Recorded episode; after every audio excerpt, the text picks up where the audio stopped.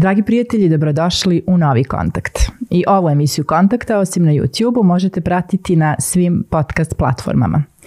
Na samom početku zahvaljujem se udruženju Svetionik koje nam je ustupilo prostor za snimanje ove emisije, a u večerašnjoj emisiji razgovaramo o medijima sa jednim mladim čovekom koji osim što radi u medijima eh, bavi se i humanitarnim radom i eh, radi još puno, puno stvari koje su važne za našu zajednicu. Ostanite se nama jer razgovaramo sa Emirom Ličinom.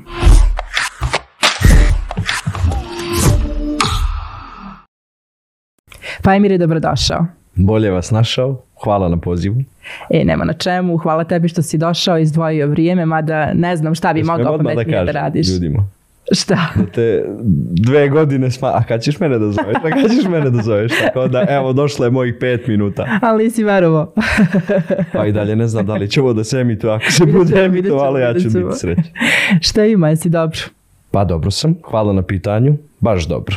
Danas, odnosno ovih dana je poprilično uh, frka, trka, svašta se dešava u Novom pazaru. Trudimo se da sve to ispratimo. Trudimo se da živimo normalno. Dišemo punim plućima, mada to je malo sad diskutabilno, ali uglavnom okej. Voliš li kad je frka, voliš li kad se dešava nešto? Ja se često žalim, ali kad naiđe dan kad nije frka, ja onda ne znam šta ću sa sobom. I shvatio sam da sam naučio da živim tako. Da je sve drugačije, meni neobično. A dva dana ako se takva dese, onda, onda sam već ono, kad će nešto da se desi konačno. Pa jesi, mislim, generalno ljudi koji rade u medijima i koji, koji rade generalno sve ove poslove koji su, koji su upletani sa, sa, sa javnim tim e, životom, budu nekako navučeni na, na te žurbe, na trke, frke i, i bude neobično kad je sve nekako laganica, mada u, u Srbiji nikad ništa nije laganica. U Srbiji kod nas možda posebno. Ja često razgovaram sa mojim prijateljem koji je lekar i onda on meni kaže šta je tvoj posao, nije tebi to ništa teško, ništa ti naporno. Ja kažem čoveče ti si tu samo kad je neko bolestan, kad nekome treba pomoć, a mi idemo i kad nekome treba pomoć, i kad se nešto sruši, kad se nešto zapali, kad se nešto poplavi, mi sve pokrivamo. Jeste, jeste. Meni je samo žao što, što, što dosta ljudi nekako, mislim, nije samo to prema medijima i nije samo to prema novinarima, generalno je prema mnogim institucijama taj problem nepoverenja. E, i, I mnogo je teško uspostaviti to poverenje, a to je, čini mi se, kod novinarstva jedan od naj, najvažnijih stubova, da. ti uspostaviš poverenje da tebi sagovornik veruje da može da ti kaže ono što treba da ti kaže, da, da, da tebi možda, e, ne znam, bilo ko može da poveri neku situaciju ili trenutak koji je jako važan za javnost, da, da ti Da. preneseš. Koliko se ti srećeš možda sa tim da da možda ti neko ne veruje da ćeš ti to stvarno da izneseš onako dobro ili ti neko onaj poveruje pa stvarno ono bude super priča posle. Ja moram da kažem da u posljednje vrijeme nemam tih problema. Na početku je bilo, trebalo je mnogo, mnogo vremena da, da ljudi steknu dovoljno poverenja u mene, ono što ja radim.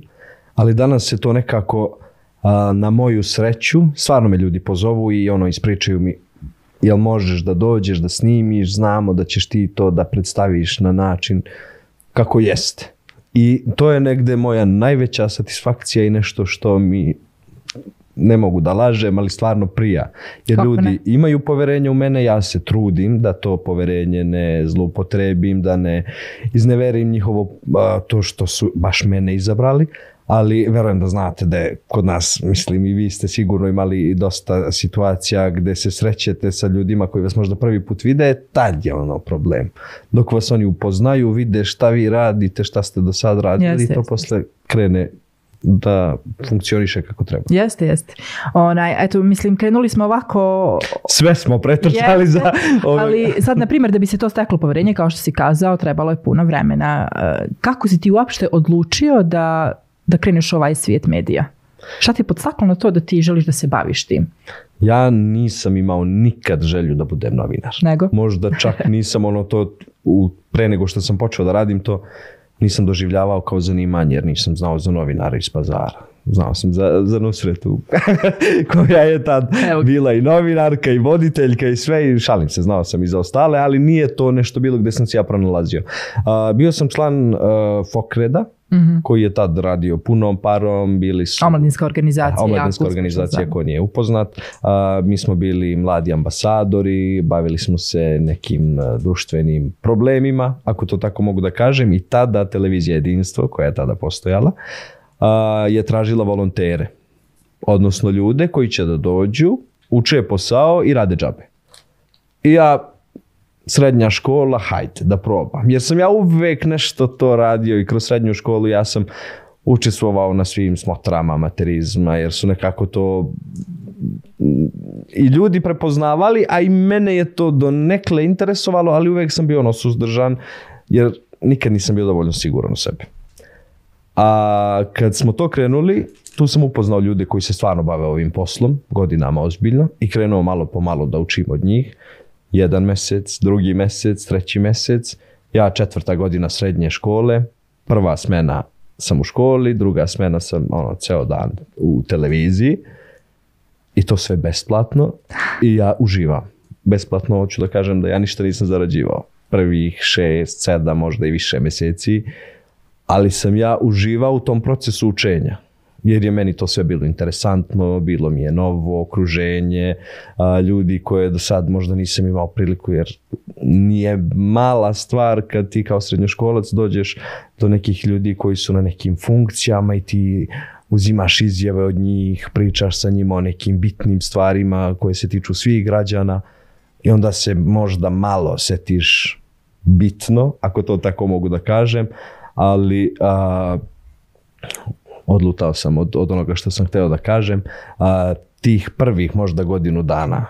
Bilo je teško zbog, rekao sam, bio sam učenik tad srednje škole, sve to što sam radio nikad nisam naplatio, jer nije niko nije hteo da mi plati. Ti si srednjoškolac koji si došao da učiš. Ali pazi, to je, to je na primjer danas neverovatno. Kad ti pričaš nekom mladom čoveku, ja ne kažem stvarno, volim kad, kad neko zna ono da kaže ja toliko i toliko želim da dobijem, ja toliko i toliko, moj rad toliko i toliko vrijedi i to je Super. to, znaš, ekstra. Je. Ali ukoliko si početnik, tebi zaista, zaista, zaista treba neko iskustvo, mislim, makar da znaš neke osnovne stvari da bi krenuo u rad. Nije, svi misle, ok, lako je uzeti mikrofon i krenut na ulicu. I onaj, šta dalje? Mislim, e, ja sam isto radila, volontirala faktički godinama, mislim, nije da, to da. sad nešto što ono, i ja se ponosim tim zaista, Upravo. jer Jer je, Tu je to, to. iskustvo napravilo to od tebe danas. To, to. I ja kad danas pričam sa mladim ljudima koji dođu i kažu ja bih voleo to da radim i kad im se saopšti da oni neće odmah da primaju platu, da prvo moraš da naučiš posao, pa da ga odradiš, pa da dobiješ platu za to, a onda se ljudi povlače. Ja razumem danas je stvarno teška financijska situacija, svima nam trebaju pare, ali ne mogu da shvatim da neko ima očekivanje da će odmah da dobije pare za nešto što ne zna. to je to. To nije samo u ovom poslu, u svakom poslu. Prvo moraš da naučiš nešto da bi to mogao da naplatiš. Apsolutno. Nekad je to, mi smo eto, godinama volontirali, da bi imala prva plata je bila 15.000 dinara, da se mi razumemo, nisam ja odmah krenuo da, da, da nešto, ta, ci- ali ta cifra meni bila dovoljna, jer sam ja tad radio posao koji volim, imao taj neki džeparac za sebe, ne znam kako sam preživljavao, u stvari znam. Moji su me uvek ono, tih 15 Sad ono vidimo komentare, znaš da, da, da. šta ne znaš. E, ono, tužna ispovest, ali, ali ne, mislim, to, to je meni bilo dovoljno, jer sam ja radio nešto što volim i, i imao taj neki osjećaj da doprinosim. Ma ja, mislim, uh, meni je to stvarno super. Ja sam isto, mislim, slična je priča i, i isto kad kreneš nešto da radiš što voliš, plus okružen si nekim super ljudima koji su te super prihvatili i koji su željni da prenesu ono što znaju, onda ti zaboraviš za, za te pare, mislim, i, i super je društvo bilo u tom periodu, ja sad, m, mislim, sigurno si i ti imao tad super društvo, Da, u da, smislu, ako je kafa, ono, sad, ne moraš sada da razmišljaš imaš li za kafu ili nemaš, uvijek tu ima neko ko plati, ti sutra platiš tom nekom i sve je to nekako, ono, funkcionisalo, mislim, i da danas, hvala Bogu, funkcioniše tako, to je Mislim, to govori i, i, i to da, da, je i druž, da je jako važna podrška i od društva. Apsolutno, porodica, društvo, to s kim si takav si, to oduvek govorimo i to će zauvek da bude tako. Ako, ako ti si okružen ljudima koji nemaju želju da, da uče nove stvari, koji ne žele da se nadograđuju, koji ne žele da upoznaju nove ljude, ti ćeš da ostaneš isti takav. Yes. Mi moramo da se trudimo da širimo svoje znanje svakodnevno. Ja tad sam, kažem, upoznao nove ljude koji su meni ono bili potpuno nepoznati, ali sam vremenom shvatio da je svako moje novo poznanstvo jedno novo bogatstvo za mene. Jer ti kroz ovaj posao stvarno upoznaješ najrazličitije ljude. Od, ne znam, predsjednika države, muzičke zvezde, ali isto tako i nekog seljaka koji se bavi poljoprivredom, koji nikad nije ni čuo za ove ljude koje sam malo prenaveo. I ti tu si svaki dan imaš drugu ulogu. Nik, nijedan dan je isti. I to je najbolja stvar vezana za za ovaj posao. Sjećaš se svog prvog nastupa? Van smotre amaterizma, jer to je Hmm. opet nešto što, Mhm. mislim, smotra amaterizma je zaista jedna super stvar. Tu mladi Jeste. ljudi mogu tačno ono da, da vide da li su za to ili nisu, da li su za neki javni posao ili su za, za, za neke druge Mhm. vrste poslova i meni je to stvarno nešto što je, što je super ovaj, kod nas, ja ne znam da li u, u drugim gradovima ima, nisam nešto Nisam pratila, siguran. ali to je, to je nešto što stvarno ono, preporučujemo jeli svima da Jest, se desi. apsolutno. Meni je lično dosta pomoglo i, i mislim da je Tad dosta je. E, ne znam, Šalim se. ali fakat ne znam da li je tako postojalo, ali, ali smo imali dosta, dosta nekih dešavanja u gimnaziji eh, gde, gde smo ono imali možda nekad i na mesečnom, na nedeljnom nivou te neke javne stvari. Eh, profesorica Milidar je Bronja mi je bila profesor knjiž, književnosti, srpskog jezika i književnosti i sa njom smo imali super te neke, te neke stvari vezane za debatu, govor, recitaciju i slično i onda stvarno je to nešto ono ako se pronađeš ekstra. E sad van toga, da li se sećaš svog prvog nastupa na televiziji ili tako nekog angažovanog nastupa? Ja se sjećam dosta tih prvih nastupa. A, ne znam da mogu da kažem za šta je to bilo. Naravno, naravno. Bio je neki angažman za Bošnjačko nacionalno vijeće. Meni su, mene su pozvali da, da, da vodim taj program, da budem moderator. Jer su oni mene negde primetili, svidjela im se moja, moja boja glasa. I ja super oduševljen. Mene zove neko ono da me, da me plati, da ja nešto radim. I Ja super. Odem ja tamo. Oni meni daju tekst, sve to ispisano što ja treba da kažem. Ja izlazim, ja se ovako tresem. Me, ja, ja ne osjećam svoje noge. A ovamo se trudim da to niko ne primeti, sve vreme gledam ono, da li me neko čudno posmatra. Jer je taj osjećaj stvarno neverovatan. I to je ono nešto što, što me svaki put, a e, sad sljedeći put neću ovako, sljedeći put ću bolje, sljedeći put ću, će manje noge da mi se tresu, ali to nikad nije prošlo, to, to se i dan danas dešava i mislim da je to super stvar, ali o tome možemo kasnije. I ja sam, ja sam se tad uh, shvatio sam da te neke sitne greške koje sam ja sebi zamerio, rekao, možda sebi rekao, ja nisam za ovaj posao, ja ne znam. Onda priđu neki ljudi i kažu, e, bio si super. Ja ono gledam, ono, da, šta se desilo?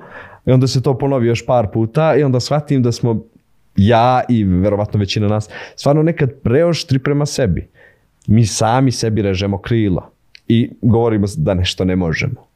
Čovjek koji želi može apsolutno sve. Da nauči, da uradi, da, jer samo rad, trud i, i, i stvarno verovanje. Vera, vera da, da možeš.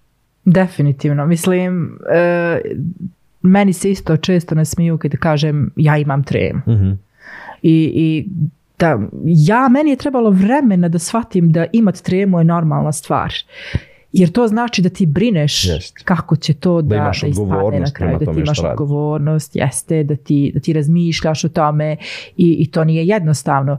Isto kao što svako drugi krene na posao, ima neki projekat da završi pa se brine oko tog projekta, jede se i ti istupaš javno i stvarno te je briga kako ćeš ti da istupiš zaista brineš na koji način ćeš da kažeš neku riječ, kako, mislim, to stvarno nije jednostavno i pritisak je posebno kad ti tek krećeš u sve te neke stvari.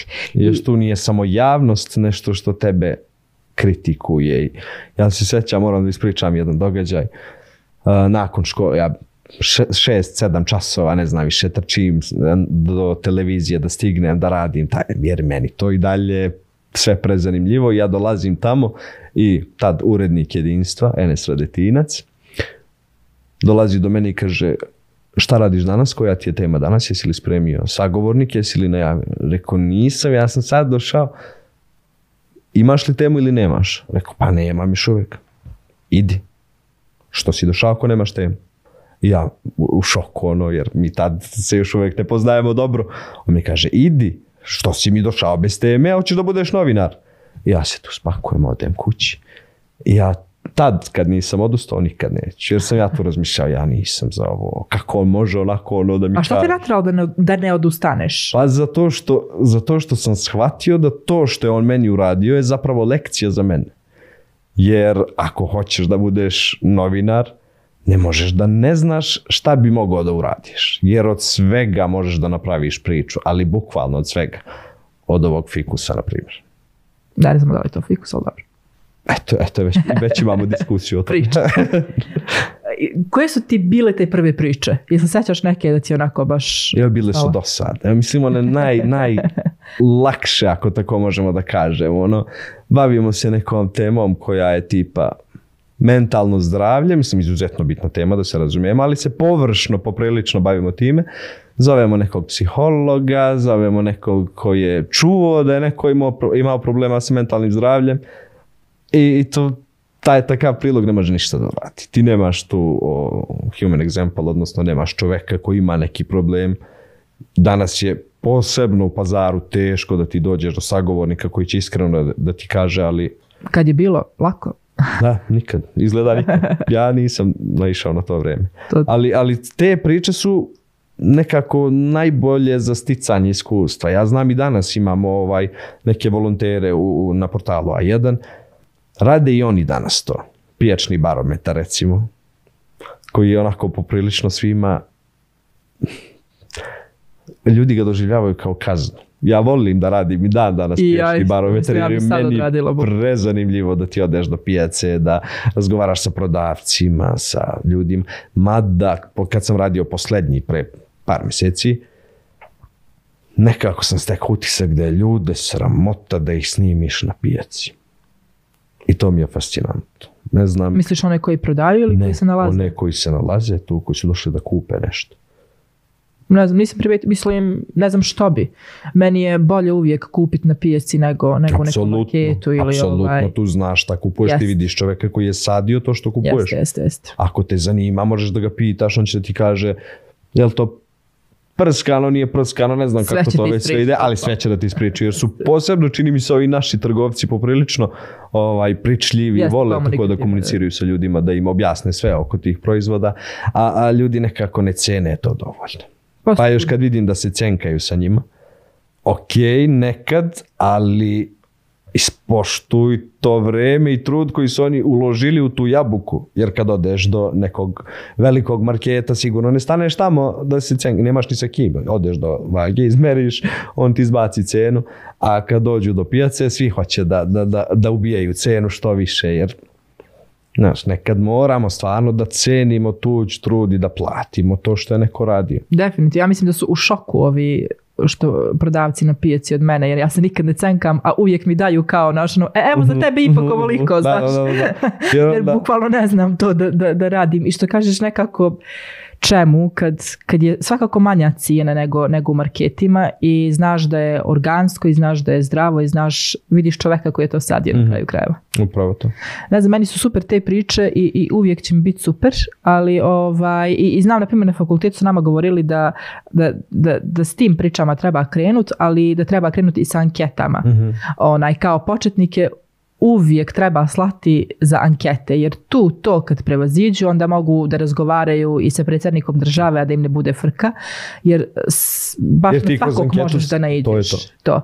E, kak- kako ti imaš iskustvo sa anketama u, u našem gradu? Ja Izvolite. volim da radim ankete, ali ljudi ovde u 99% slučajeva su ja ne znam ni, ni šta bih rekao. Jer ja samo krenem, ka, prvo, kad radiš anketu. Nikad ne pitaš, mogu li da te pitam? čao, može li jedno pitanje? Odmah se, šta mislite o tome i tome? I tebi treba prva reakcija, prvo ono što, se, što je čovjek pomislio da ti izgovori, ali kod nas u pazaru, jel te kad okreneš ka nekom kameru, to je isto kao da si pušku usmerio ka njemu, ti moraš da malo spustiš, kažeš čao, izvini, možemo da te pitamo nešto što bi nam, na- bilo koliko ne radi u pazaru, nego je novinar iz nekog drugog grada bi rekao, ok, vi pojma nemaju, ali nisu radili anketu ovdje.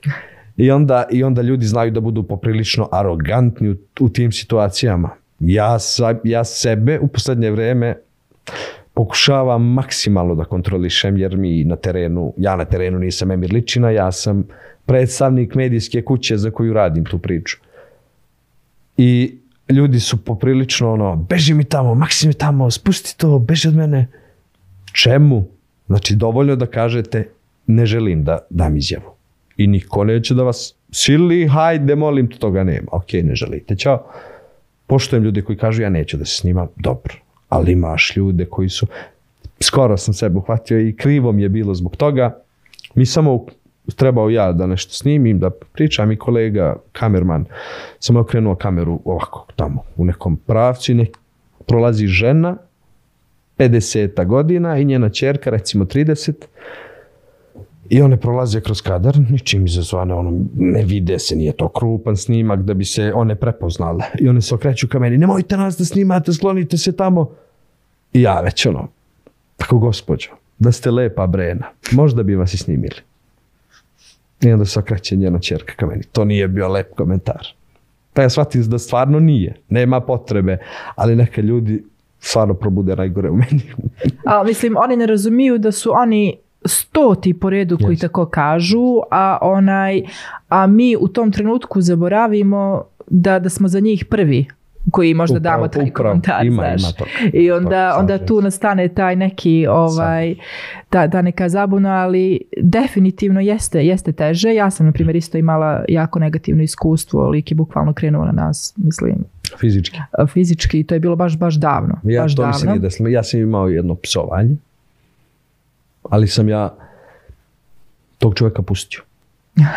I On je mene ispsovao i ja sam, mislim kolega ga je snimio i ja sam ga pustio. Jer ti si video da je uključena kamera, video si da ja stojim ispred tebe sa mikrofonom, nisi mi rekao nemoj da me snimaš, iako na javnom mjestu može da vas snima svako. On je mene lepo ispsovao, ja ga lepo pustio, nadam se da ga je bilo sramota. I da nekome sutra, posebno mladim koleginicama koje se danas bave ovim poslom, neće isto to da uradi. Jer je ružno, Jeste. poprilično ružno. Jest. Mislim, sve to na stranu, ovaj, ipak i, i to je ono sticanje jeli, nekih novih Ali poznanstava, je- dosta, dosta da. ima nekih super komentara. Ja sam tu upoznao dese. mnogo ljudi sa kojima se pozdravljam, dali su mi izjavu jednom, jer oni vas upamte. To je ono Jeste, malo pre što jeste, si jeste. rekla. Znaš, vi ste njima, oni su samo vama tad dali izjavu, iako ste vi snimili sto ljudi. Iako mi njih često ne upamtimo, to je možda loše. Ali ja uvek kad vidim da me ono neko gleda duže od dve sekunde, pozdravim se jer znam da smo se negde sreli. Ja sad imam sigurno 20 ljudi od kojih sam možda dva puta uzeo izjavu, jer je pazar mali grad, svakodnevno viđamo iste ljude i, i to su stvarno različiti različita zanimanja, različit spektar ljudi ovdje možete da sretnete u pazaru stvarno kroz jednu anketu od ne znam, sva moguća zanimanja, eto da ne nabrajam sad. Jeste, jeste. I, I čujete stvarno različita mišljenja kako ljudi razmišljaju u ovom gradu. I to je poprilično interesantno.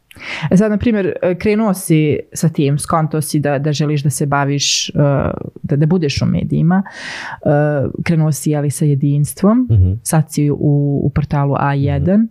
Uh, je li bilo u početku ili dalje možda ima ono komentara tipa šta će ti to, gdje ćeš to, jel šta imaš od toga, eto, toliko si daješ, a šta, šta, šta, šta uzmeš na kraju i slično. Jel, jel ima još uvijek toga i obeshrabri li te to, jel te to malo možda povuče natrag?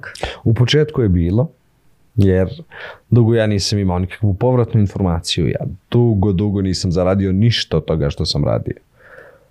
E tek kad sam krenuo malo da zarađujem, ljudi su prestali to da pričaju, ali Misliš sam ljudi skoro, konkretno, ljudi ali sam kuće, skoro, da? ovo ću sada kažem ako ovo moj babo gleda, a gleda, a, čuo od njega komentar, a da, da li bi ti mogao da vidiš da se negde zaposliš u neku državnu firmu, nešto. E, ja sam ga pogledao, rekao ne bi. Ne bi, jer ja to ne želim da radim. Jer, zna, mislim, skontali ste me šta to podrazumeva. To je ono da nađeš neku vezu, da se ubaciš negde, da prebrineš. Jer je njima i dalje najbitnije osiguranje, penzija i sve to. To jeste bitno, poprilično bitno to što se danas privrednici ne bave tim stvarima i što nam više od 50% ljudi nije osigurano pazaru je posebna priča, ali, ali eto, moj otac je neko kome je to izuzetno bitno i on ja znam da on misli najbolje za mene i da želi da ja imam neku sigurniju budućnost možda na taj način, jer novinarstvo stvarno jeste posao gde mene sad nakon ovog Glasuje. snimanja mogu da pozovu i da mi kažu ne radiš više za nas. I to je život, ne moram ja ništa da, ula- da uradim loše, jednostavno nam više nisi potreban i to je okej. Ali sam naučio da, da, da se ne oslanjam samo na, na jednog poslodavca, jedan medij, jer ako krenete da radite ovo, vi grabite što više možete. Ne morate da radite, ja, spomenuli smo portal A1, pored toga ja radim i za još neke druge medije, pored toga ja radim i neke poslove koji su, ne znam, reklamiranje nekih proizvoda, snimam neke uh, videe za društvene mreže i onda napravite neku mrežu zarade, ako pričamo konkretno o tome, gde, gde ne može sve da vam stane ako, ako jedan posao bude... Da, da. Jako pametna mreža. Da, Mislim, jer mora danas, ne tako se prosto mora. šta Jer red, ja ne znam poslove gde danas možete od jedne plate da živite normalno. Znam Realno. puno ljudi koji rade više poslova. U realno. najmanju ruku, to je jedan ono, 8, sati rade negde, onda imaju još 2 sata negde nešto dopunski, imaju neki budžet sebi i ako jedan od ta dva posla stane, uvek imaš onaj drugi dok ne, ne iđe nešto novo. Ali tebi je super zato što se svi ti poslovi vežu. Da, Znači, to nije je. da radiš nešto, pa onda radiš totalno nešto drugačije nego... nego... A jedno vreme sam radio. Bio sam menadžer jednog ugostiteljskog objekta i novinar u isto vreme. I ne može. Teško. Nije povezano. Teško je. Jer je ovo posao gde morate da ste stalno na terenu i posao gde morate da ste stalno na jednom mestu. E. I onda se to dvoje sudarilo i ja sam izabrao novinarstvo. Da li sam pogrešio? Ne znam. Vid, vidjet ćemo. Vreme će pokazati. to, to, to. ne, mislim, definitivno je najbolje ono da, da radiš ono što voliš. Apsolutno. Na I- kraju dana jest. i samo u tome možda budeš ja- realno i, i uspešan. Onaj, e sad, na primjer, kažeš dosta nekih priča čuješ e, i dok radiš ankete, ali dok radiš neke priče generalno za, za, za, za medije na kojem radiš. Onaj, e, kako mladi gledaju, na primjer, na situaciju, često imate ta pitanja, na trenutnu situaciju u našoj državi, kako, da li, da li su oni osnaženi da pokrenu nešto svoje ili, ili jednostavno tražite neke državne poslove po znacima navoda. Meni kad kažu nađi neki državni posao, ono bude u fazonu, znam ja što vi mislite da nađi nešto sigurno, a šta je danas sigurno realno. E sad, koliko su po tvom mišljenju mladi osnaženi kod nas da pokrenu nešto svoje i, i da, da jednostavno veruju da će to da uspe. Nažalost, mislim da nisu. Ima ih, ali malo. Ovde ljudi a, nekako su, čini mi se, digli ruke od svega. I svi gledaju taj neki kraći put. Ja ću to da završim, ja neću tamo da ugure, ja, A što li to? Mislim, meni isto imam, na primjer, ponekad utisak da, da svi hoće nešto brzo, odmah, sad. Niko nije spreman da uloži malo više truda da to, to je proces. Put do svakog uspeha mora da traje dugo i ako se ne namučite dobro na tom putu, ne uvek, ali uglavnom rezultat nije, nije dobar. Raduje me to što u poslednje vreme se pojavljuje sve veći broj mladih ljudi koji, koji se bave nekim stvarima koji nisu ono samo, samo lokalna stvar. Mladi se izdižu iznad ove politike, više ih ne zanimaju ove lokalne stvari, stranke, tamo vamo, bave se nekim e, stvarima koje rade za neke poslodavce koji nisu iz Novog pazara, nisu iz Srbije, interesuju se za strane jezike, sarađuju sa ljudima iz drugih država, čak i sa drugih kontinenata i to je super, jer ti odavde bukvalno možeš da dobiješ sve ono za što smo nekad morali da idemo, ne znam, četiri meseca u, da radimo po bauštelama tamo vamo. Iz pazara stvarno može da se zarađuje dobro. Ako hoćete, i to vas ne može da vas ograniči ni vlast, ni ovaj, ni onaj, jer danas je svijet postao globalno selo. Vi iz pazara možete da radite za Japance i da zarađujete super i znam ljude koji zarađuju super. Na Da. taj način. Samo je važno verovati da možeš. Samo ako ti sediš kući i čekaš i kukaš, ništa neće da se desi. Ako ti radiš na tome da se nešto promeni, pa i da ako jednom kiksneš, ako to tako možemo da kažemo, probaj ponovo. Pa, opet, pa ponovo. Jer mora da upali jednom. Ako si baš toliki baksus da i deset pokušaja ne prođe, onda je već možda problem do tebe, menjaj profesiju. Ali mislim da moramo samo da verujemo u sebi da nekako te, te granice koje sebi postavljamo rušimo. I ne može niko da nas spreči u tome da mi se ostvarimo u nečemu. Ako mi to stvarno želimo.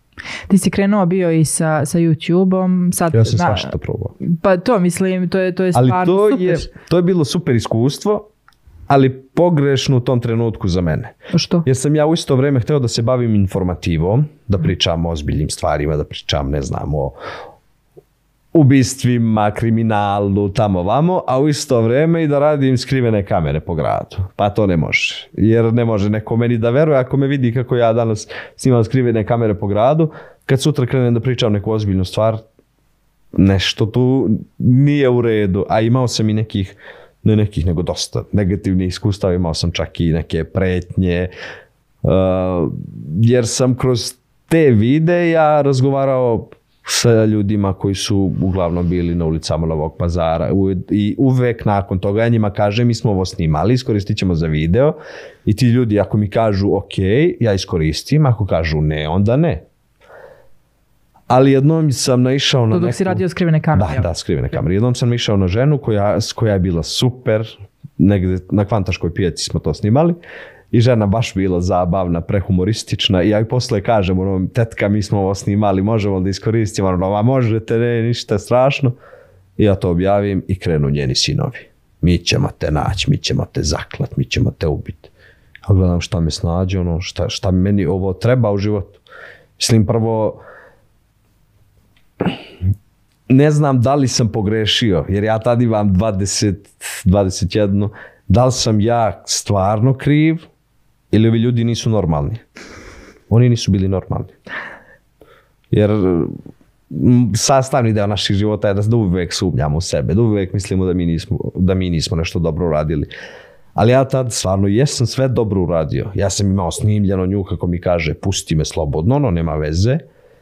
I na tom snimku nije bilo ništa kompromitujuće, da se mi razumijemo, tu smo se mi nešto šalili, ne znam šta je bilo. Ali to ti je ono kod nas, znaš, na primjer sad prolazi mi sad kroz glavu tipa ono fotografišemo se svi i na kraju se ne objavi ta fotografija zato što je jedna osoba na toj, na toj fotografiji kazala e ja nisam dobro ispala nemoj da objavljujete znaš na primjer To je pazarski sindrom. Koji, ili ono snima se nešto i onda na kraju zovne ta osoba i kaže e, ipak nemoj da me objaviš vidjela sam nešto na tom snimku ne znam puder mi nije kako treba ili ako je ne znam muškarac ono kravata mi nije bila razumiješ te neke stvari ono totalno ne mogu da razumijem brate snimao si se završeno s tim mislim ja, ja sam Ja mislim da je to isto samo neke probleme sindrom. pa mislim što god Ljude daje, nije ali- briga. To što ti kraju. primećuješ kod sebe. ili mi mislimo da ljude nije briga možda ljude stvarno ne briga. E, ja, ja mislim da nije. Znaš. Ja makar ne primetim nikad te neke nesavršenosti, ako to tako možemo da kažemo. Mi hoćemo da smo uvek perfektni. To je to. Da niko ne može ništa da nam zameri, da niko ne može nikada da nam kaže evo nisi pametno rekao, plašimo se da ni spadnemo glupi, da nas ne kače po Instagramu, TikToku. Imala je nekad jedna stranica u pazaru, mislim da više nije aktuelna, a, koja se bavila tim stvarima iz nekih a, video snimaka koji su naslali u pazaru, oni uzmu neke delove gde su uglavnom ankete, izjave nekih ljudi, oni to kači i onda se tad svi, znači u to vrijeme je bilo skoro nemoguće uraditi anketu u pazaru. Svi kažu, nemoj mene, Boga ti stavit će me na dajki Eto. brata. Aha. Tako se zvao taj profil. Ja mislim da je možda on čak i pomogao nekim ljudima da, da, da vide da ništa nije strašno. Vidiš ko se sve i kako snimao i to što, što ćeš i ti da budeš u sličnoj situaciji nije ništa što svijet nije video po Bogu. Ali dobro, mislim, ovo što, sad, što ću sad kazati je možda davno ispričana priča ili priča koja se dalje priča, ali definitivno to, toga, to o čemu mi sad pričamo ima u tome onaj, ti dok si mali, naš govore ti čuti ti sad, Mhm. znaš, ili hoćeš nešto da, da, da pitaš, nemoj, nemoj da pitaš, nemoj, nemoj sad da pitaš, nemoj ti to, Mhm. nemoj, nemoj ovo, nemoj ono, znaš, čuti, čuti, sedi, čuti, čuti, znaš, i, i, i ti to nosiš, nosiš, nosiš i na kraju stvarno ne, ne možeš da pitaš zbog toga što te neko ono dobro, dobro, dobro nadojio time da ti jednostavno glup si ako pitaš, znaš, pa nam je dosta dugo trebalo vremena da, da, da skontamo da ne postoje glupa pitanja, postoje samo pitanja, da ne postoje glupi odgovori, jednostavno postoje odgovori. Ti uvijek imaš neki odgovor za nešto, ako nemaš odgovor, ti jednostavno je u redu da kažeš ne znam. A mi ne znamo da kažemo ne znam, ne da nam ego da kažemo ne znam ili ne umijemo da pitamo. Mislim, meni je lično to bio problem. Ja se sećam isto na fakultetu, plus pritom nije moj maternji jezik na fakultetu na kojem sam i onda razgovaraju, razgovaramo tu u, u toku časa o nekoj temi i ja u meni sve ključa hoću da kažem da, da uopšte se ne slažem s tim mišljenjem, da, da uopšte mi nije do, ono, da, da ne mogu da verujem šta pričaju, znaš, ali znam da ako progovorim da to neće biti na savršenom jeziku, razumiješ? Znači, te to nije moj maternji jezik i onda kako ću ja sad da to kažem? I onda sam samo presekla u sebi i kazala, ma hej bre, ti si toliko toliko si se osnažila da dođeš u drugu državu, da, da učiš drugi jezik iz početka, da studiraš na tom jeziku, a strah te je da se javiš i da kažeš nešto, da učestvuješ u razgovoru. Digla ruku, rekla na tom svom očajnom turskom, naš u tom Ali su te svi razumeli. Da, svi su me razumeli, shvatili su poentu, neki se složili, neki nisu, razumiješ, mislim, i onda nakon toga mi je sasvim bilo nebitno jel meni dobar jezik ili nije, ja sam gurala, pričala, Mhm. pričala, pričala dok to nije došlo do dobrog. Upravo. I nije moglo da dođe do dobrog da ti nisi pričala, pričala, E pričala. tako isto i ovdje. Često znaš. roditelji uhadalje svoju decu. Mislim, kroz, kroz to smo svi mi prolazili, znaš, mislim, i, i, i ja kad bi otišla s negde sa mojim roditeljima, ono, bude priprema pre posetka, znaš, sad idemo tu i tu, Nemoj da tako i skačeš. tako hoćeš da se ponašaš, razumiješ? Mislim, koliko je to dobro, koliko je loše, ja ne znam, uvijek smo mi na kraju fini, dobri, svuda, ali ovaj, jako je važno imati tu neku slobodu i osnažit se da, da, da kažeš ono što misliš. Ako roditelji nisu ti koji će da usade to neko samopouzdanje, u tebi moraš ti to, da si, moraš da se izboriš sa tim. Kreni od najbanalnijih stvari. To je to. Ako si školarac, ne znam, javljaj se, komentariši sve što se dešava na časovima, učestvuj u razgovorima. Ako odeš do prodavnice, mi često, na primjer, ne kažemo nekom gde ćeš preko reda, zato što nas je sramota da mi to glasno izgovorimo, jer će da nas čuju i ovi što su oko nas. Ma hej, ja skoro isto mislim u jednom, u jednom velikom marketu jedna kasa, ogroman red, Mhm. dve kase prazne, ono, znaš. I gledam, svi ćute, ne mogu da verujem. Se Rekao, svi izvinite, hoće li da ove dvije kase krenu radit? Evo odmah, evo odmah, evo odmah. Odmah se... I problem se rešio. To je to. Ja se sećam situacije kad sam ja to stvarno doživljavao, ko, jer to jeste javni nastup. Sve je to javni A nastup. što izađeš iz kuće je javni nastup. I mi- ja, ja sam na kasi, nema nikog, ljudi se skupljaju oko mene i ja se već ono, panika me hva... I ja rek, ima li nekog ovde? I dolazi ranica, evo, evo, evo. I ja tu ono, osjetim olakšanje, pobedio sam sebe.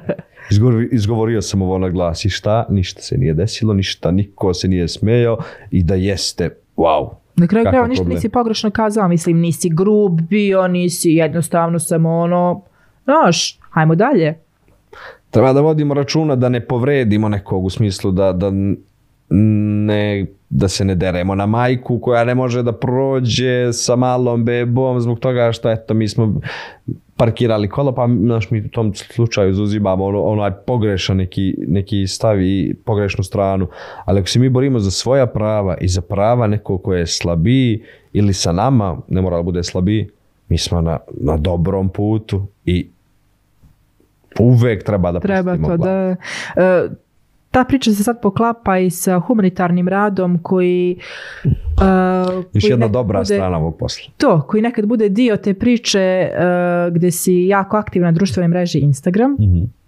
Kako je, kako je zapravo krenuo taj aktivizam na Instagramu? Ja, ja se stvarno ne sećam sad, mislim, ja ne znam ni kad sam otvorila profil. da Mhm. Ja se iskrena. 2009. godine. ali onaj, kako je krenulo to? kako si, kako si sebe osnažio. Na primjer, meni je Evo sad mogu da kažem, meni je frka da ja sad snimim neki snimak i da, da, da okačim. Story gde ćeš da, da pričam. Jest, meni je stvarno frka, ono, bukvalno, krenula sam bila par puta jer sam osetila želju da treba nešto da Mhm. podijelim, ali ono, snimim i kažem, neću, neću imati taj kontinuitet i šta da sad ja to radim, Mhm. ma neću, znaš. A ti imaš super kontinuitet, kad je to krenulo? Pa u isto vrijeme kad sam i počeo možda da, da, da se bavim novinarstvom. Prvo pojavljivanje moje je bilo na, na TV-u, pre nego na Instagramu. Aha. Jer, jer sam možda tad sebe snimio sa TV-a, to ubacio tamo i skonto, pa to bi isto bilo i kao da se ja sad snimim sam. Iako je tu nekako, osjeća se neka prevelika bliskost sa ljudima koji te prate. Osjetiš je ti u, u nekim trenucima, a mnogo više ljudi osjeti sa tobom. Onda ljudi stvore neku, neku lažnu, mislim lažnu, stvore sliku da te poznaju iako se nikad niste vidjeli. To, to zna nekad i da bude problem, ali ako probaš jednom, drugi put, treći put, četvrti i samo ja nekako mislim da moram, mi se plašimo jer je naš pazarski akcenat specifičan, mi se plašimo da nešto ne lupimo, da ne pogrešimo padeš, da, a šta? Šta je ako pogrešiš? Svako će da te razume šta si hteo da kažeš. Ako, ako je to neka kardinalna greška, potrudi se da je ispraviš. Ako imaš neke poštapalice koje su ovaj, ovaj, ima mnogo ljudi, to će da ti pomogne da ti radiš na, Na svemu sebi, tome mislim. i na sebi. Ako želiš da se baviš nekim javnim stvarima, ja znam dosta ljudi koji imaju super ideje, super biznise, ja im kažem pa snimi se, ispričaj to. Ja ne mogu, mene sramota. Snimi se pet puta sam, nemoj da objaviš. Svaki put će da bude bolje, bolje, bolje, bolje, bolje. U jednom trenutku ćeš ti da budeš zadovoljan, ali moja preporuka je da pustiš nekim ljudima kojima veruješ, koji će da ti kažu da to apsolutno nije strašno kao što ti zamišljaš.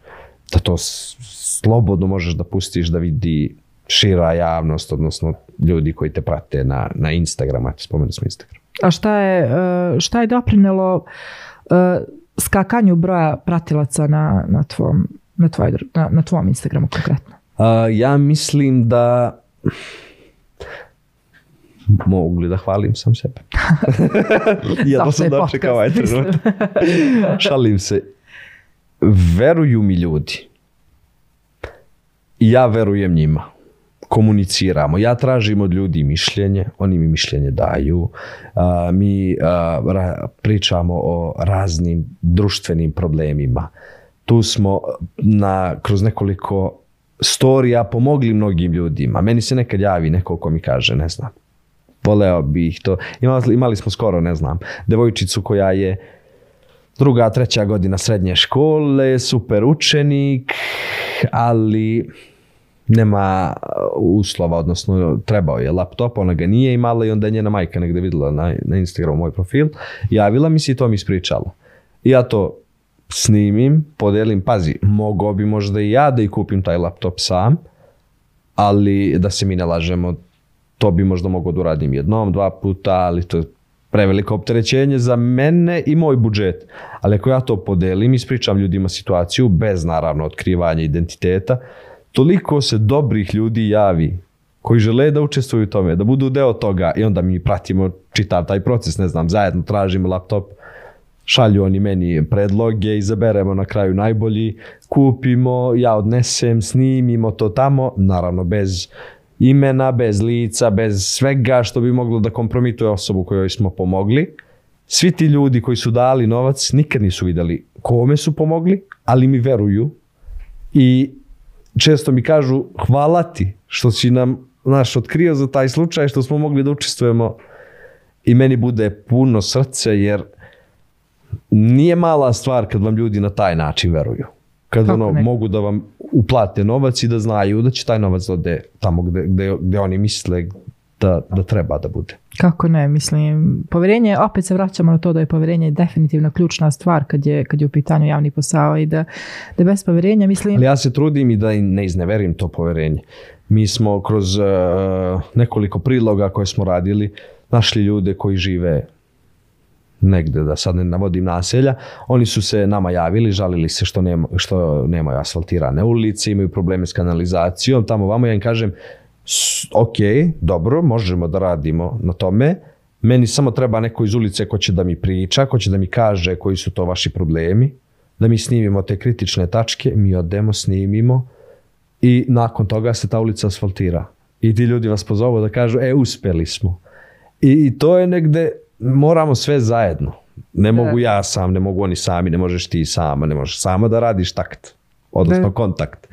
Mora uvek da rad, moramo uvek da radimo zajedno i da podržavamo jedni druge. Apsolutno, apsolutno. Mislim, meni je, na primjer, super i, i naša generalno priča, eto ti radiš u drugom mediju, pomenuo si Enesa koji sad vodi taj medij, onaj, ja volim što, na primjer, mi funkcionišemo i kao prijatelji u smislu nema konkurencija ako ti želiš da budeš dobar. Upravo. Ti možeš samo da, da učiš od nekog, neko, neko od tebe i da se na taj način osnažujemo, a konkurencija zapravo treba da postoji, ali zdrava konkurencija, to je ovo učenje jedni da, od drugih. Da, da, da. I, i, I to je nešto što je isto također važno Danas u, u cijelom nema priči. bolji novinar, gori novinar, to ne postoji. Danas svako jeste i svako može da bude novinar, jer tehnologija napredovala, svi ima mobilne telefone, možemo da snimimo sve što hoćemo, da ispričamo, da pustimo i to ode javno i ljudi to gledaju ko najnormalniji TV prilog koji se snimi u, neki, u nekoj televiziji. Ne postoji danas to, ja imam više iskustva, ja sam bolji. Izvini, nisi. Ili, na primjer, ja da kažem, mnogo mi je ljudi reklo da sam ja dobar, ja stvarno mislim da sam dobar. Ne mislim. Svaki prilog je priča za sebe. Apsolutno. Svaki novi dan je nova prilika da naučim nešto novo, jer ovdje se uči svakodnevno. Mislim, sad ti nikad nećeš ni čut od tih velikih novinara, Mhm. od novinara koji zaista, zaista imaju mnogo iskustva i mnogo znanja, nikad nećeš čut od njih da oni kažu da su najbolji, nikad nećeš čut od njih da oni kažu da, da nema boljih od njih, da, da, da, da se busaju sa iskustvom, već će bukvalno oni biti ti koji će da priđu i da ti podijele to, to znanje, da ti podijele to iskustvo. Jeste, pa da ja ti sam, ja sam na taj način stvarno učio. Enes Radetinac, Zoran Maksimović, Aleksandar Nićiforović, mnogo ljudi, da je, verovatno sam zaboravio nekog, Anđela Stebovića kojom sam radio u jedinstvu, ti i još mnogo ljudi koji su malo duže u ovom poslu ili mnogo duže, svako ti kaže neki savjet koji ti kad ovaj pokupiš više sa, sa više strana, znaš ti stvarno sklopiš priču i ti nadograđuješ sebe, a ti lju- vi znaš da su ti ljudi dobronamerni, da niko od njih ne želi da tebe nešto loše posavetuje, nego otvoreni su, stvarno su uspešni ljudi uvek otvoreni za saradnju, svima hoće da, što bi ja tebi krio nešto što ja znam. Jer to onda ja nisam siguran da ja to znam, nego ja mislim da, da imam neku formulu koju ću da sakrijem, ja ću da je primenjujem do kraja života, ti je nikad nećeš otkriti. E pa otkrićeš je i ti, otkriće je bilo ko drugi. Jer to ne postoji. To ne Mislim, Razumemo se. ta cijela komunikacija je Nadam jako se da su ljudi koji ovo gledaju, a nisu iz medija u kontaju. Pa to je generalno u svakom poslu isto. Znaš ti, Jest. ako sad od zavidiš uspešnih ili ljudi znaš, nećete da čujete ja sam najbolji. to je to. Uspešni ljudi nemaju potrebu da govore da su najbolji. Oni rade i, to je to. Uh, pomenuo si, mislim, eto, onaj, da, da to sad, da, da je važno da, da učimo jedni od drugi. Da li si ti možda imao ne samo kroz posao, nego jednostavno u životu nekog uzora za kojeg, za kojeg si kazao ili neku rečenicu koja te onako vukla napred da ti, da ti bude inspiracija da, da radiš ili da, da, da, da radiš neke druge stvari van ovog posla, možda da, da, da kreneš taj humanitarni rad i slično. Ne. Ja sam poprilično a, lenja osoba. To je možda i moj najveći problem u životu. Ali se mene današnji dan me motiviše za sutra. Onaj sutra, sutrašnji dan će za preko sutra. Danas se trudim da ovo što sam, nešto sam počeo danas, ostavim uvek ovaj prostora tu da to sutra još malo nadogradim i samo nekako ja godinama plivam iz dana u dan, iz dana u dan i trudim se da, da ne stagniram. Iako sutra neću da radim nijednu priču, potrudit ću se da, da se možda raspitam o nekim slučajevima u pazaru oko novog pazara, da uh, sa ljudima sa kojima se družim, razgovaram o njihovim životima i o njihovim poslovima, naravno ono što oni žele da mi kažu, jer uvijek imaš neko zanimanje da, na primjer, uzet ću za primjer ljudi iz Svećanika se kojima se i privatno družim, uvijek kod njih možemo da, da čujemo da kroz njihove akcije nekad ima neki slučaj koji može i da se medijski isprati kako bi uh, brže tim ljudima pomogli da dođu do ili ne znam nekih materijalnih sredstava ili nečega što je njima potrebno. A gdje razgovaraš s tim ljudima? Gdje piješ kafu? Ja Gdje voliš na, da, na da, da, da popiješ? Pa može, ako eto, jel, jel imaš neko mjesto gdje, gdje voliš da sedneš onako, da, da, da, da razgovaraš, da ti bude prijatno? A, imam tu sreću ili nesreću da moji dobri prijatelji se bave ugostiteljstvom. Imam dva ovaj druga dobra prijatelja koji su menadžeri Dohe i Verbaka, restorana ND. I onda sam tu često, ne znam, volim Žitni trg, sve one lokale tamo, volim drugu stranu, volim tako ta neka mesta koja su, mada su poprilično sva šarena. Meni zapravo nije bitno mesto, bitni su mi ljudi sa kojima ja sednem. To je zapravo... Jer mi nekad i u najboljim restoranima nije bilo dobro. A u nekim najgorijim, ako naiđu dobri ljudi, meni bude super. Jer samo zdrava komunikacija i, i, i zdrav smisao za humor je nešto što, što mene zadržava kod ljudi. Verujem da i s druge strane bude isto. I što te opusti na kraju dana, realno. Što je potrebno svakom. Apsolutno. Jer smo preopterećeni svi. Što poslovima, što situacijom u svetu, što političkom situacijom kod nas. Nažalost. Baš je napeto. A mi ne uživamo u životu, a on nam prebrzo prolazi. Prebrzo. Dobro, ne bi se moglo kazati ti ne uživaš u životu. Ja ne kažem za sebe. ja se To, to, trudim to. da uživam. Onaj, e, iako kažeš da živiš iz dana u dan u smislu ako danas nešto nisi uradio, sutra ćeš pokušat e, da, da plivaš jeli, u danima. Da li, da li, na primjer, imaš nešto što kažeš, e, ka tome težim da, da to želim da odradim u svom životu, to želim da, da postanem ili da, da jednostavno da krenem, da počnem sa tim. Jel, ako ima, ako postoji tako nešto, možeš li da podijeliš? Ako nije tajna. A, Imali nije. smo neke kojima je to tajna. Jel? Šalim se. Nije tajna, ali to jeste moj najveći problem. Ja nemam dugoročne ciljeve.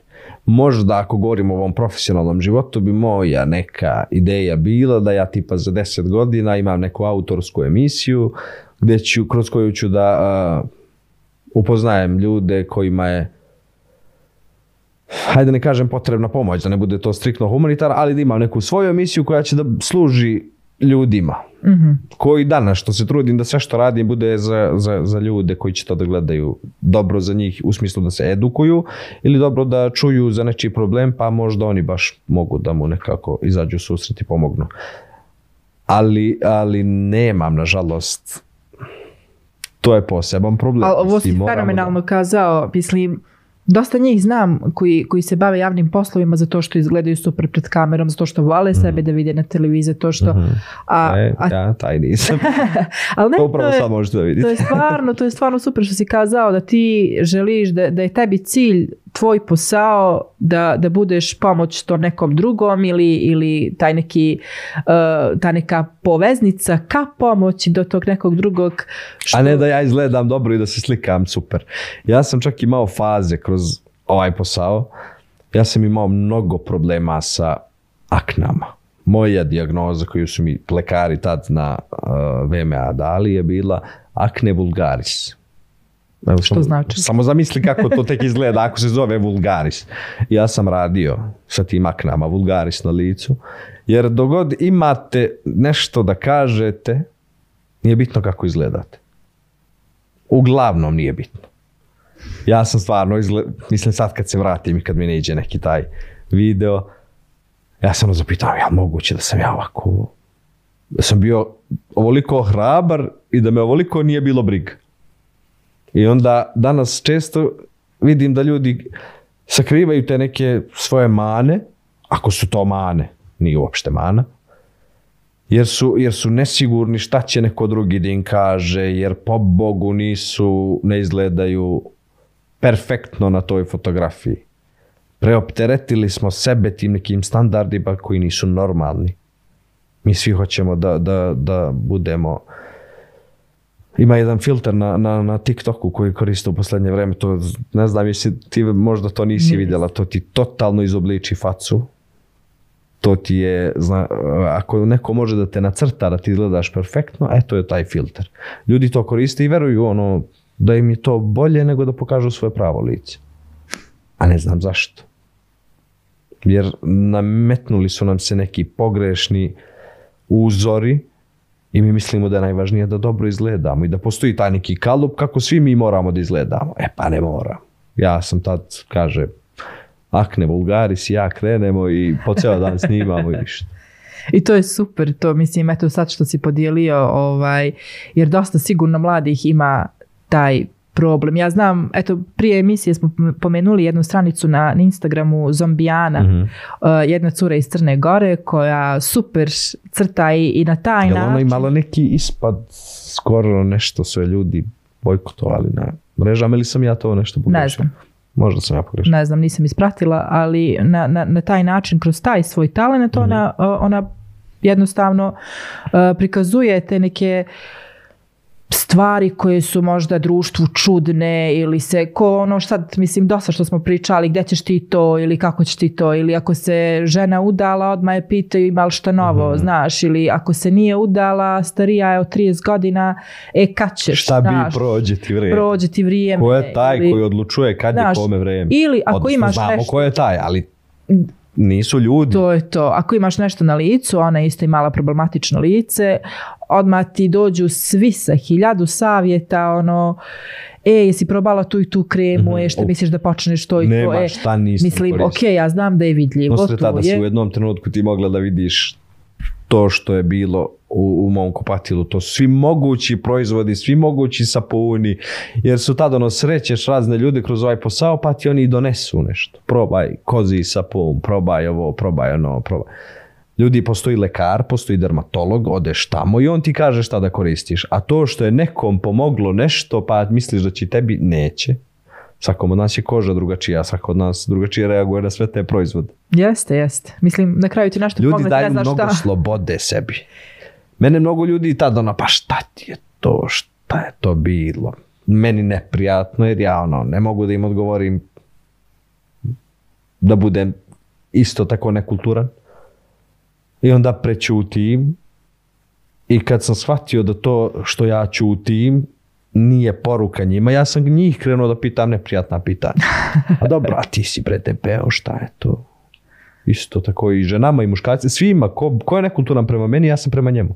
Jer onda smo na, izgleda na istom levelu, jer ja ne mogu da, Dobro, kraju ljudi ne uče iz primjera Mislim. Ali, preva, ali to tek u trenutku kad mi je već bilo svejedno. To, to, Mislim, džab- ne postoji komentar koji neko može meni da uputi, koji će da mu uvredi. Jer ja znam ko sam, šta sam, znam što sam nešto uradio, znam da, da nikom nisam zlo naneo, a to što se ja nekome ne sviđam, bože moj, ja šta ću. Me. I, I to mi je stvarno super. Opet kažem, A jer nije bilo tako, ja kažem, ja sam bio poprilično nesiguran, bio si mlađi. bio sam i dosta mlađi u tom trenutku i onda svi ti komentari utiču na mene. Jer ja idem kući stvarno razmišljam, joj, pa šta je ovo, pa kako da se ovoga rešim, pa onda, ne znam, koristim sve te proizvode koje mi je neko rekao da su dobri, zato što mislim da će to da mi pomogne i da će to da reši sve moje probleme. Ali u jednom trenutku sam ja to prevazišao, ja sam sa tim takvim licem išao ko da mi je sve super. I tek tad ljudi prestanu toliko da obraćaju pažnju na to, jer to više nije tvoja glavna karakteristika, nego to što ti pričaš, to kako se ti ponašaš, to kako ti To utičeš na njih, ko si ti na kraju krajeva. Što je jako važno. Moramo samo da shvatimo da sve te naše mane su, nisu nešto što treba da nas putava. Mi treba da ih prihvatimo i da živimo svoje živote bez da se osvrćemo na to. Sad smo spomenuli akne, ali ima još mnogo problema. Znaš, i to što sam ja možda debeo nije, nije moja životna i jedina karakteristika. Ja sam debeo, ali možemo super da pričamo o nekim stvarima, možemo da, ne znam, igramo stoni tenis, da, Da to se ne družite. bude jedino, da se družimo. Ma. Sad si u A1, Sad sam u A1, radim I- za još jednu televiziju. super ti je. Super mi je, zadovoljan sam, zato što radim ono što volim. I sve dok ja to budem voleo, ja ću to da radim. Ima neka priča koju si dosta odradio, a da ti je onako ostala upečatljiva i da, da si super ponosan što si odradio? Ili tak treba da se desi? ima jedna priča koju smo skoro počeli. A, išli smo do jedne nane koja živi u Prijepolju u jako lošim uslovima. Iz jedne humanitarne organizacije su krenuli sa nama, odnosno oni su, nam, on- oni su nam ukazali na taj slučaj, pa smo zajedno pošli do nje, snimili u kakvim uslovima ona živi, ona upoznali nju koja je jedna ono presimpatična žena koja je, iako ima 70 godina, čigra. U smislu da ona ima i krave, ona održava i kuću, održava i manje i sve to i njoj to ne smeta što kuća može svake sekunde da joj se sruši na glavu. I ta kuća se srušila, ali nije samo od sebe, nego su došli majstori, srušili je i završava se uskoro jer, su, jer se javilo mnogo dobrih ljudi koji, koji su pomogli da se to rekonstruiše, tako da ćemo raditi nastavak te priče. Ekstra, jedva čekam. Imali smo još jednu, situ, uh, još jednu priču iz Novopazarske banje. Jedna žena se meni privatno javila, rekla mi da ima teške bolove, a nema novca da ode na neku operaciju. Odradili smo tu priču sa njom. Sutradan se javio čovjek koji je rekao samo pošaljite sestru da je ne imenujemo. A, neka dođe ona do Turske, a ovamo ćemo mi da preuzmemo, ona ništa ne mora da brine, sve ćemo mi da platimo i to se tako i desilo. Ona je otišla tamo, ljudi su joj platili lečenje, ona se vratila bez tih bolova i nakon toga ja vidim zbog čega je ovaj posao dobar. I to, taj osjećaj, kako, kako se ja osjećam u trenutku kad vidim da je ta neka priča imala stvarno efekta i, i uticala na to da se nečiji život promeni je ono što mene gura. I neka tako ostane. Meni su, meni su te priče stvarno nekako za kraj, jer uh, kućeš bolje od toga da, da definitivno ono što radiš, kad se vidi da je dobro, samo treba da nastaviš da radiš. Upravo to. I ja mislim da nevezano za medije, bilo koje zanimanje koje smo mi izabrali da ga volimo, je nešto u šta moramo mnogo da ulažemo i da ne očekujemo rezultate nakon dva mjeseca, tri mjeseca, pet mjeseci. Doći će. Kad tad. Samo strpljenja i verujte u sebe. To je to. Emire, hvala ti puno. Hvala tebi na pozivu. Uh, vidimo se u nekoj možda super priči i, i, i svakako vidimo se opet na nekoj dobroj kahvi. Apsolutno. Jedva čekam. Hvala puno, hvala i Ostvario vama. se moj život. Dragi prijatelji, hvala i vama što ste nas gledali. E, Gledajte nas i u sljedećoj emisiji, a do tada budite u taktu.